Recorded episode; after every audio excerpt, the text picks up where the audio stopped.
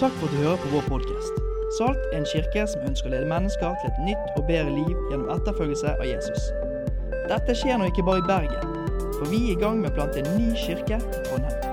Om du er interessert i å være med på dette, eller bare ønsker å få mer informasjon om Salt Trondheim, vil vi gjerne ha kontakt med deg. Gå inn på salt.co slash Trondheim for å få vite mer. Takk igjen for at du hører på. Her er ukens budskap. Det er jo så nydelig. Jeg har jo vært i Salt noen ganger, og, men det liksom å være hjemme og være i Salt, det er veldig, veldig godt. Eh, Jeg kom kanskje inn litt som en sånn løs kanon fra venstresida her eh, for noen rett før sommeren og masse greier på Instagram og sånn. Og jeg må bare si det at jeg har kjent Øystein i mange år. Så det er liksom den ene strømmen inn i dette her. Ellers har vi opplevd altså at Gud eh, Dere ser jo hvordan østlendingene er i forhold til Guds ord. Der forholdet til Jesus er ikke-eksisterende. Liker ikke Jesus, så vi har en jobb å gjøre. Men vi bor i Skien, byen ved kanalen, og jeg tror mange nå kjenner et kall eh, til å være med oss der. Eh, men husk på oss i bønn. Vi opplever at Gud har kalt oss til det. Vi opplever at byen er lagt på oss, og vi tror at det er på tide å skru opp eh, volumet et par knepp på evangeliets vegne. Både her og der. La oss begynne med en bønn. Herre, vi takker deg for at du allerede er her. Men vi samles i ditt navn, og da vet vi at vi er eh, mer enn en forening og en gruppe mennesker. Men du er midt iblant oss, og vi ber om at du skal røre ved hjertene våre.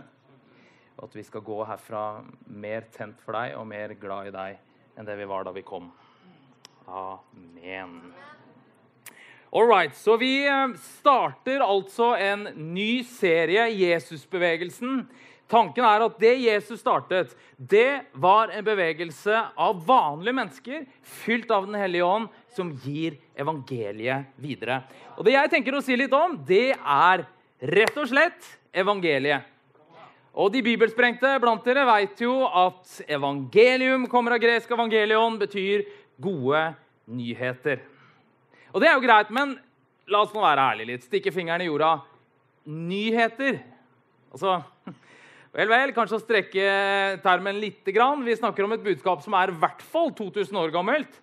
Hvordan kan dette være nyheter? Det blir litt som dette oppslaget her fra Er det noen sunnmøringer her, forresten?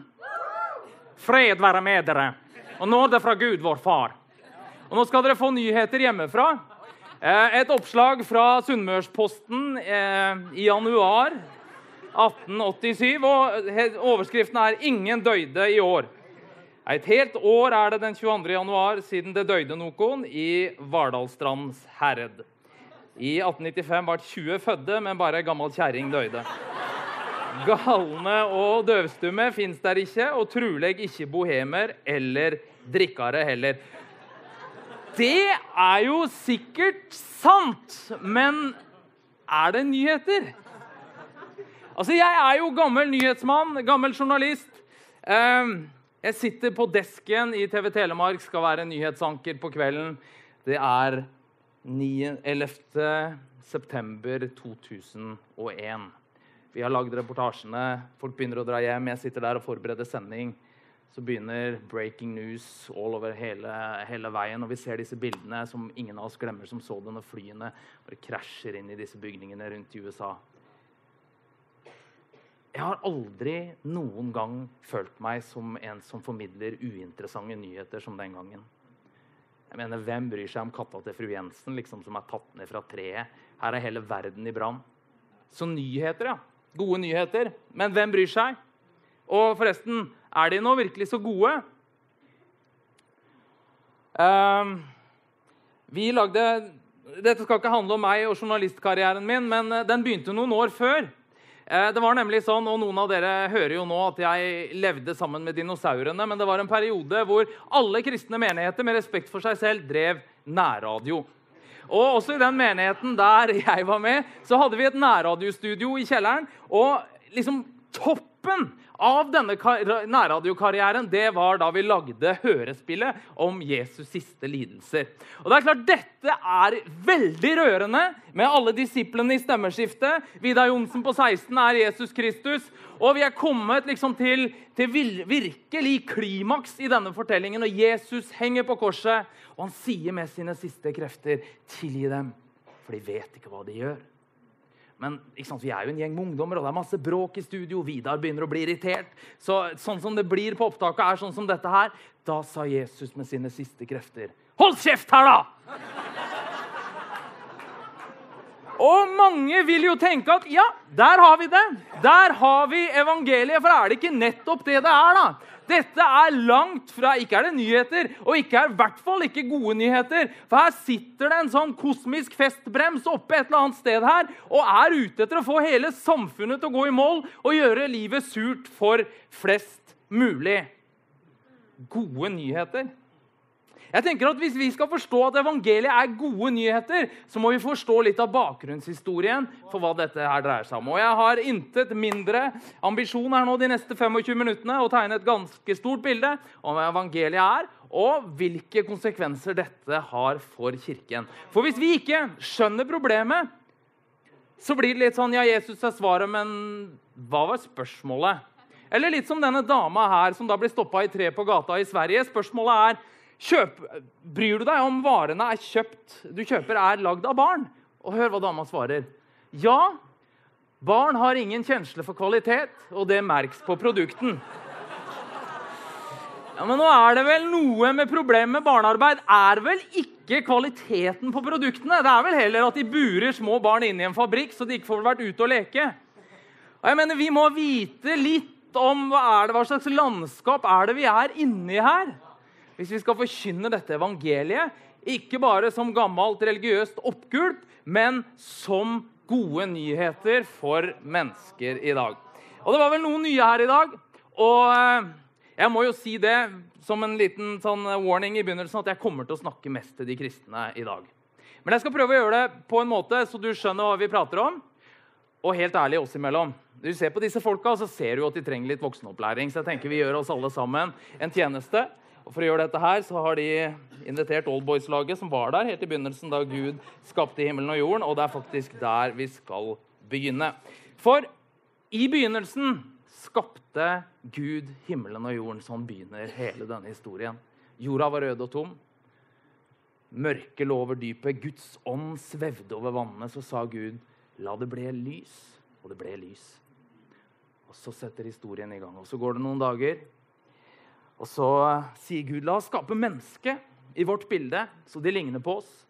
Så tar Gud støv fra jordens overflate og former mennesket. Og så blåser han inn i nesa på det, så blir det en levende skapning. Så er vår historie i gang. Men så er det et problem her, da. Og det er jo det at Mennesket er ikke bare skapt i Guds bilde, men det er også skapt av støv fra jordens overflate. Det er ikke rart mange er overflatiske, dere. Eh, men og det er noe med dette, denne gravitasjonen som trekker oss tilbake mot jorda og bort fra Gud. Abraham Heschel, jødisk forfatter og teolog, han sa at mennesket er et sted mellom Gud og dyrene. Og ute av seg selv, ute av stand til å leve alene, så må han velge å leve med en av de to.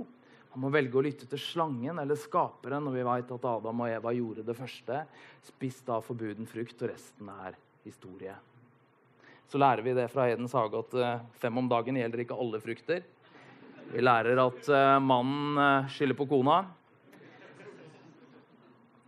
Og, men selv i dette triste og mørke så er det som det er en puls av nåde for Herren selv står det, kommer gående gjennom hagen i den svale kveldsvinden og søker fellesskap med mennesket. Og han roper dette spørsmålet, som lyder som et ekko gjennom hele historien. Hvor er du? Her begynner Jesusbevegelsen. God in search of man. Gud som søker mennesket. Hvor er du? Så lager han noen klær av dem som han kler dem opp i for å skjule deres skam. Og midt i alt dette mørket så forkynnes også her det tidlige evangeliet at av kvinnens avkomst skal det komme en som skal knuse slangens hode. Så får jo disse folka de får jo barn. De finner vel ut av hvordan det Nei, nå skal ikke jeg rote meg inn Stryk det der fra podkast og det som er. Men de får noen unger etter hvert, og de blir jo sendt ut av denne hagen. Og Adam står jo da på avstand ikke sant, med lengselsfullt blikk og kikker tilbake til Edens hage og sier til ungene sine at der gutter, der bodde vi før mor spiste oss fra gård og grunn. Og eh, så får han to sønner. Og de ender opp med at den ene dreper den andre. Er det mulig? har jeg tenkt lenge. Og så fikk jeg tre sønner sjøl, og så tenker jeg at ja, men det er vel ikke så rart. Spørsmålet er vel, spørsmålet er vel heller hvor er foreldrene? Altså, Noen må jo passe på disse ungene her. For det er jo Pyongyang og Armageddon når disse i hvert fall to eldste mine krasja sammen når de var noen år yngre. Og En gang så tenkte jeg at dette må jeg filme. Ingen kommer til å tro meg, så dette må jeg ha på film. Og Vi drar ut for å hogge juletrær, og dette er jo kjempehyggelig. Helt til Joel og Benjamin begynner å krangle. og jeg tenker, dette skal jeg filme. Og de begynner å krangle mer, og tenker, jeg filmer! Helt til en av de liksom tar fram saga klar for å slå den andre i huet. Og da griper far inn, og der stopper opptaket.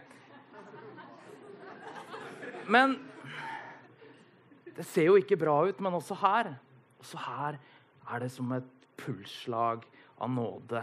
For Kain sier du kan ikke bare sende meg ut i verden. Folk kommer til å drepe meg. Men Gud setter sitt tegn på Kain og sier at ingen skal slå ham i hjel. Det er nåde.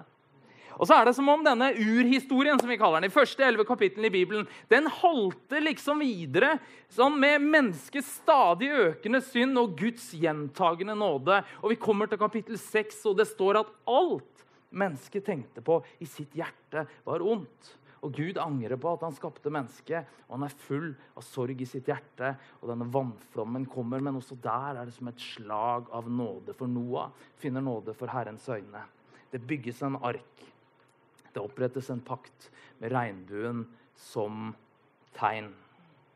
Så kommer vi helt til slutten her i første Mosebok 11, slutten av urhistorien, og mennesket får nok en glup idé. Og de sier la oss bygge en by og et tårn som når helt opp til himmelen, så vi kan skape oss et navn, så vi ikke spres over jorden.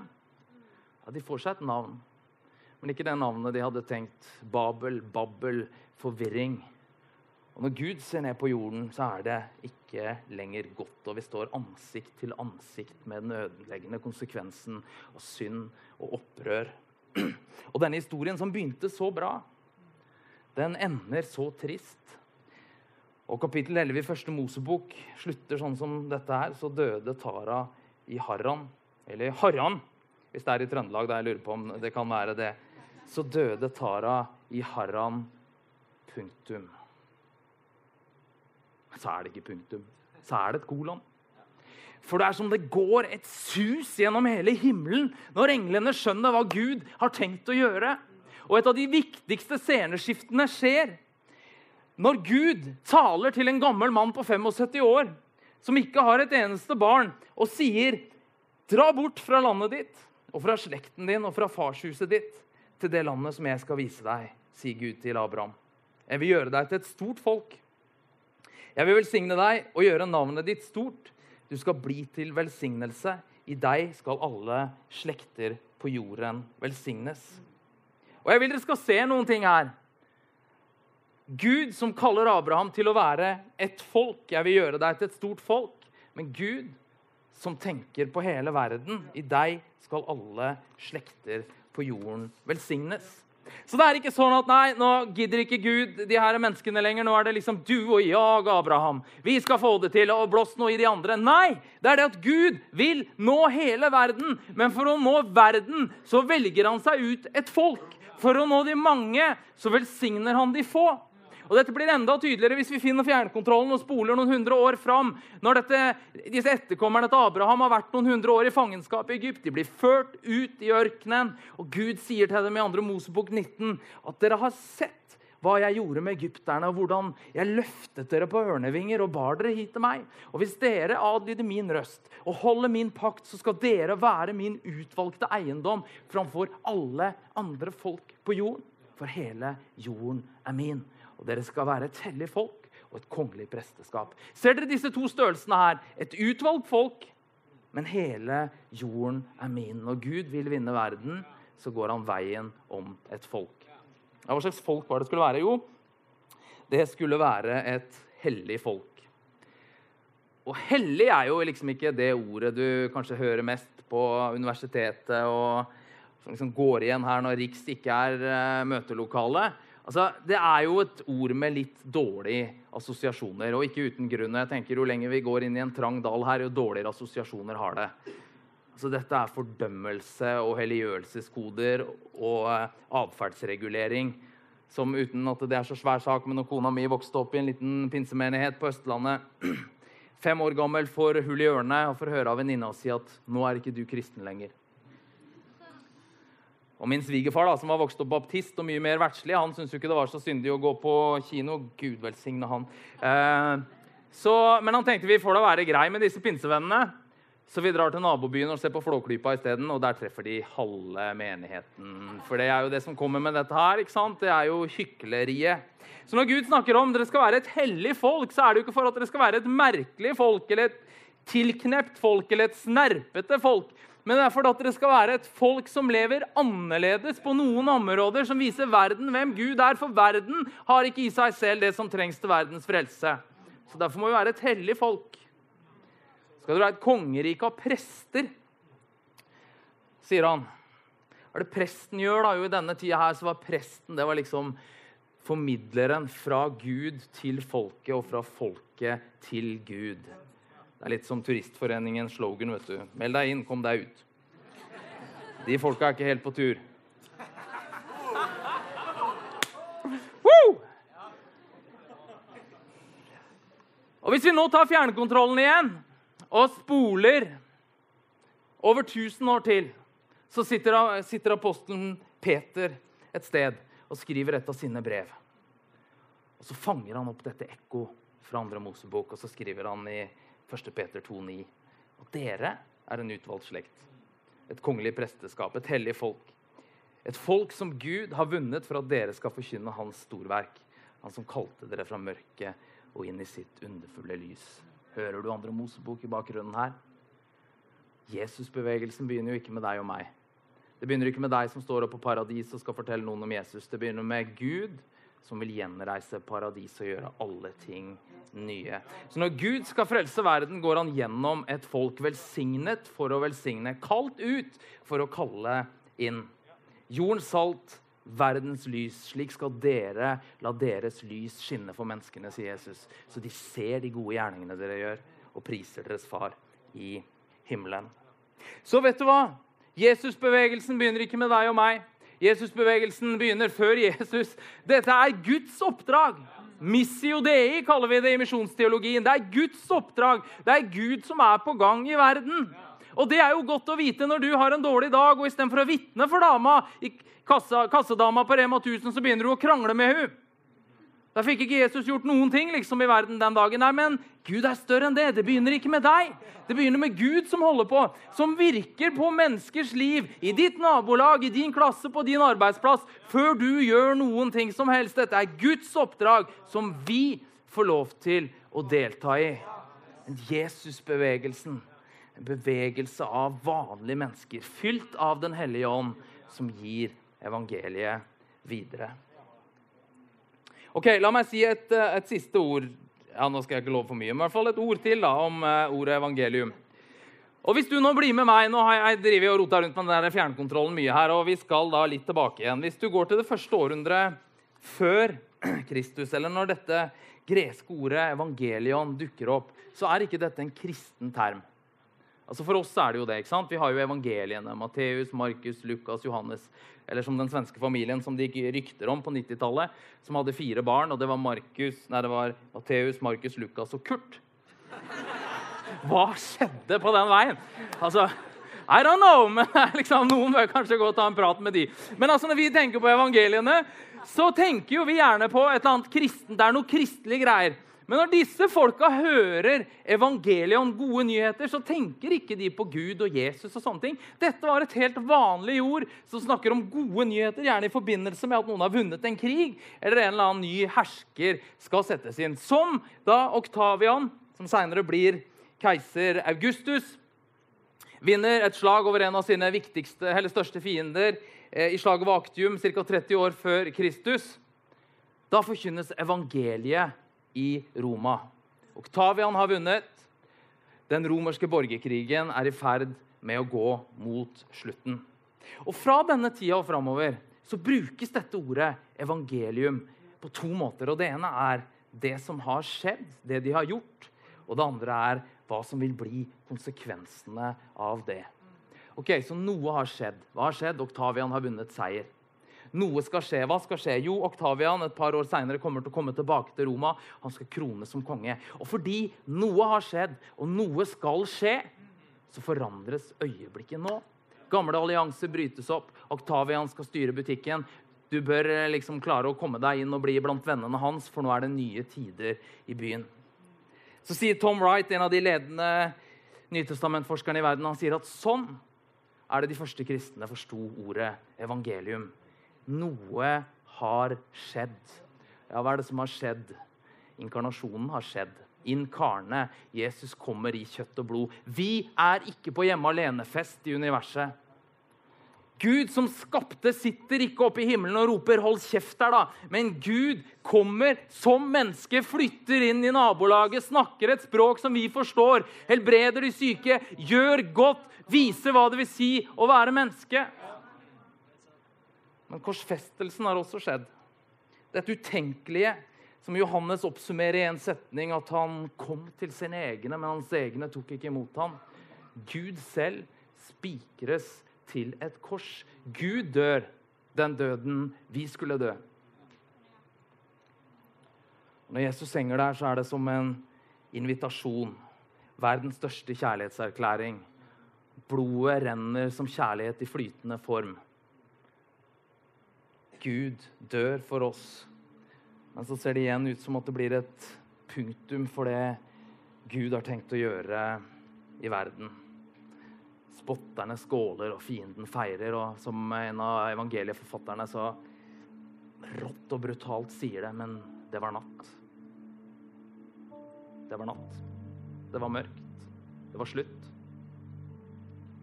Så gryr morgenen. Så er det noen kvinnene som er tidlig ute og går til graven. Og de finner at den er tom. Og De forteller det til mennene, men de tror det ikke. De tror det er løst snakk, står det, men de springer dit sjøl, og de ser at graven er tom. Og ryktene begynner å gå om at han har oppstått. Så går det fra bunnløs sorg til ufattelig glede, for her, her snur hele verdenshistorien. Her blir alle ting nye. Og Johannes, den ene av eneste av disiplene som ikke dør som martyr, han sitter i fangenskap på øya Patmos noen ti år seinere. Så ser han den oppstandende Herren. Og Jesus sier, 'Jeg er den første og den siste og den levende'. Jeg var død, men se, jeg lever i all evighet. Og jeg har nøklene til døden og dødsriket. Så noe har skjedd, og noe skal skje. Sier det i trosbekjennelsen. Han skal komme igjen for å dømme levende og døde. Jesus sier det i slutten av boka. Jeg gjør alle ting nye. Se, jeg kommer snart. Så skjønner vi jo at snart betyr noe annet på himmelsk. Det er jo et par tusen år der òg. Men det er noe med at vi skal ikke bare sitte passivt og vente. Men det er som om noen har åpna vinduet og sparka inn døra fra det som en gang skal komme. Så den vinden blåser på oss i dag. Noe har skjedd. Noe skal komme, og sammen så lader disse to dette øyeblikket. Og vi stilles på valg. At alt er annerledes pga. det som har skjedd. Så inviteres vi inn i denne bevegelsen til å ta imot evangeliet. Og til å forme vår verden i evangeliet. For hør, dere. Evangeliet er ikke noe vi ser på. Det er ikke noe her ute som vi betrakter og tar stilling til som at ja, jeg stemmer konservativt her, og jeg er veganer der, og jeg mener det om Nord-Korea her, og så er evangeliet her, og jeg tenker sånn og sånn og sånn om det. Nei, vet du hva? Evangeliet inviterer oss nå til å ta stilling til det. Det er derfor det er nyheter. For noe har skjedd, og noe skal skje. Og alle ting nå er nye av det. Så evangeliet er ikke noe vi ser på, men evangeliet er noe vi ser gjennom. På minnesteinen til C.S. Lewis, den kristne forfatteren, skrevet Narnia og en hel annen masse greier, så, så står det i Westminster Abbey I believe in Christianity as I believe that the sun has risen. Not only because I see it, but because by it I see everything else. Evangeliet er ikke bare noe vi ser på, men ved evangeliet så ser vi alt annet i et annet lys. Så hva er evangeliet, da? Jo, det er jo disse gode nyhetene om at noe har skjedd. Noe skal skje. Alt er nytt nå. Og hvilke konsekvenser har det for kirken, da? Jo, det har den konsekvensen at vi er dette folket som skal bringe dette budskapet ut til verden. Velsignet for å velsigne. Kalt ut for å kalle andre inn. Jeg har ikke lyst til bare å stå her og prate om evangeliet. Jeg har lyst til å invitere til evangeliet. Og i senter av dette evangeliet står Jesus Kristus. Han som døde og oppsto, han som nå står med utstrakte armer og ønsker oss velkommen hjem til Gud.